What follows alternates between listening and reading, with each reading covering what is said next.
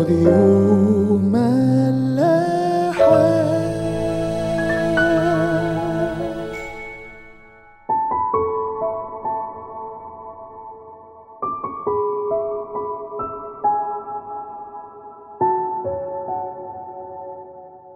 الخير واهلا بيكم في حلقة جديدة من عيش وملح. مكملين مع بعض سفر ميخا والنهاردة هنبتدي مع بعض إصحاح ستة ودي اللي فيها رسالة شخصية لكل حد. وهي كمان بصراحة مش رسالة شخصية هي مكتوبة في صيغة حوار. خليني اقراه معاكم. ربنا اللي بيفتح الأول الحوار بيبتدي يقول يا شعبي ماذا صنعت بك وبماذا أضجرتك أضجرتك يعني زهقتك. اشهد لي إني أصعدتك من أرض مصر وفككتك من بيت العبودية وأرسلت أمامك موسى وهارون ومريم.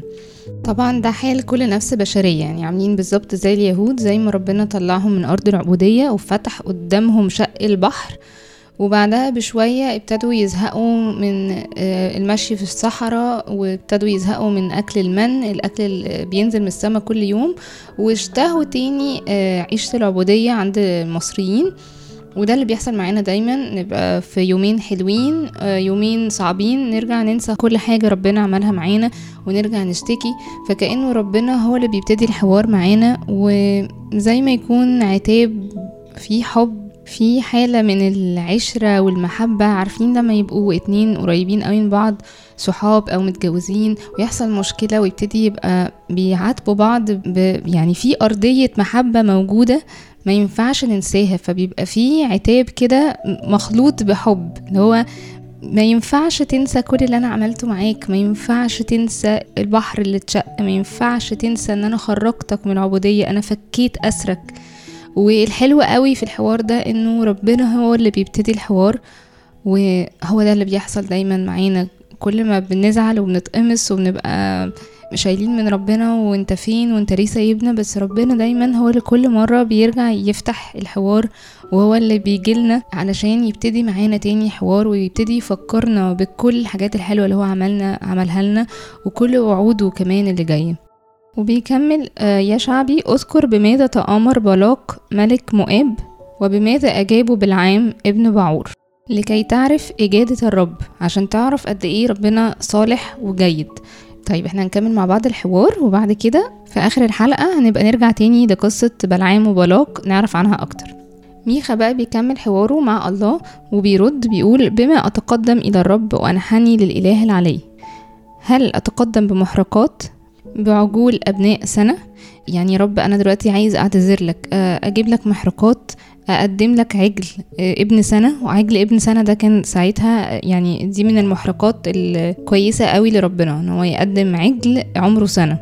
هل يصر الرب بألوف الكباش بربوات أنهار زيت؟ هل أعطي بكري عن معصيتي ثمرة جسدي عن خطية نفسي؟ يعني قول لي يا رب أقدم لك إيه؟ أقدم لك محرقات أقدم لك عجل أقدم لك ابني أنا ثمرة جسدي عن خطية نفسي؟ كأنه بيقول إنه مفيش أي حاجة هتشيل خطية الإنسان ولا محرقات ولا حتى لو اديت ابني أنا شخصيا لأن هو بشر برضه. ومفيش أي حد هيشيل الخطايا غير يسوع المسيح. بيكمل بعد كده ربنا الحوار وبيقول له قد أخبرتك أيها الإنسان ما هو صالح وماذا يطلبه منك الرب؟ إلا أن تصنع الحق وتحب الرحمة وتسلك متواضعا مع إلهك. ولا محرقات ولا أي حاجة هتقدمها تنفع مفيش حد كفارة غير يسوع المسيح وأنا مش طالب منك يا إنسان غير إنك تصنع الحق تعرف الحق ربنا هو الحقيقة وتصدق فيه تصدق في الحق. تحب الرحمة تعمل أعمال رحمة تحب الناس تحب غيرك وتحب تساعدهم وتسلك متواضعا مع إلهك. وتخليك متواضع. وآي جس إنه التواضع ده مش حاجة سهلة. لأنه لما ربنا قال تعلموا مني قال تعلموا مني لأني وديع ومتواضع القلب. ده في متى 11 29 ما قالش تعلموا مني لأني جبار وقوي. ما قالش تعلموا مني لأني بقدر أعمل كل حاجة. مع إنه ربنا فيه كل الصفات اللي في العالم بس اللي اختارها إنه يخص بيها نفسه ويميز بيها نفسه ويقول لنا اتعلموا مني فيها التواضع. دايما بصراحة الآية دي بتشغلني وبحس إنه يعني مبهورة إنه ربنا دي الصفة اللي اختارها يميز بيها نفسه ويقول لنا تعلموا مني فيها. لما قال تعلموا مني في حاجة كانت التواضع مش القوة مش الجبروت مش أي حاجة تانية فيها بمفاهيم العالم إنه تبقى strong and powerful بس كانت أكتر حاجة ممكن يبقى العالم مش بيفهمها إن أنت تبقى متواضع وإن أنت ما تتكبرش على حد وما تتكبرش على الناس. هو عايزنا فعلا نبقى زيه. وزي ما ربنا في الحوار ده كان فعلا متواضع إن هو اللي ابتدى معانا الحوار وده اللي بيحصل معانا بجد كل مرة. كام مرة حد فينا بعد أو زعل من ربنا أو اتحط في موقف كده هو مش عارف يطلع منه بس ربنا هو اللي كان كأنه بيجي يحايلنا وهو اللي بيجي ويطبطب علينا. وده قد إيه قمة التواضع إنه ملك الكون اللي خلق كل حاجة خالق الأكوان وخلقك أنت شخصيا هو اللي بيجي ويصالحك. ويطبطب عليك. بفتكر قوي قصة غسل الأرجل وإنه إزاي السيد المسيح بنفسه قرر إن هو هيغسل رجلين كل التلاميذ. وكمان بفتكر لما التلاميذ قعدوا يقولوا مين فينا أكبر ومين فينا الأحسن ومين فينا الأول ربنا شاور لهم على الأطفال وقال لهم إنه لو أنت عايز تبقى الأول لازم تبقى زي دول لازم تبقى متواضع وبتحب الناس كلها. وبتصالح اللي بيضايقك على طول. بجد أنا دايما بستغرب قوي لما بشوف بناتي بيتخانقوا مع بعض أو بنتي اتخانقت مع واحدة صاحبتها في المدرسة. يعني هما بيتخانقوا بيتصالحوا بعدها بدقيقة ولا كأن في أي حاجة حصلت. شيء مبهر الصراحة. فقررت إن أنا مش هتدخل. هما بيتخانقوا وبيتصالحوا بعدها على طول. مفيش ولا كأن في أي حاجة حصلت. بجد قد إيه الأطفال متواضعين ومفيش أي حاجة في دماغهم خالص غير إن إحنا بنحب بعض. لو زعلانة منك هروح أقول لك على طول هروح أحضنك أصلا. مش بيفكروا في كل المعايير اللي إحنا بنفكر فيها والكرامه واصله جرحني اصله مفيش أي حاجة من الحاجات دي. بنروح نجري على بعض في حضن بعض ولا كأن في أي حاجة حصلت.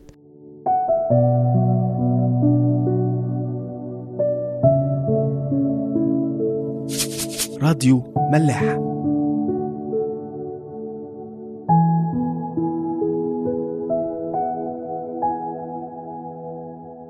طيب تعالوا نرجع بقى تاني لقصة بلعام وبلاق. القصة دي موجودة في عدد 22 هقرأ معاكم حتة كده.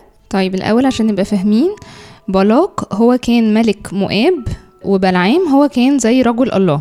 مكتوب كده في عدد 22 آية 2 ولما رأى بلاق ابن صفور جميع ما فعل إسرائيل بالأموريين فزع مؤاب من الشعب جدا اتخضوا جدا من وجود بني إسرائيل فعمل إيه بقى بلاق بلاق استدعى بلعام علشان كان عايزه يلعن الشعب ده. وقال له فالآن تعال والعن لي هذا الشعب لأنه أعظم مني لعله يمكننا أن نكسره فأطرده من الأرض. لأني عرفت أن الذي تباركه مبارك والذي تلعنه ملعون. بلاق خاف جدا من شعب الله وقرر إن هو يبعت لبلعام علشان هو يلعنه لأنه قال له أنا عارف إنه ربنا مديك سلطان فلو أنت باركته هيتبارك ولو أنت لعنته هيبقى ملعون. فأنا عايزك تيجي وتلعن الشعب ده. وفعلا بعت له ناس علشان يجي ويلعن شعب الله. بس ربنا كلم بلعام وقال له لا تذهب معهم ولا تلعن الشعب لأنه مبارك. فقام بلعام الصبح وراح قال لرؤساء بلاق الناس اللي بلاق بعتهم له قال لهم انطلقوا إلى أرضكم لأن الرب أبى أن يسمح لي بالذهاب معكم. بلعام ما راحش وسمع كلام ربنا.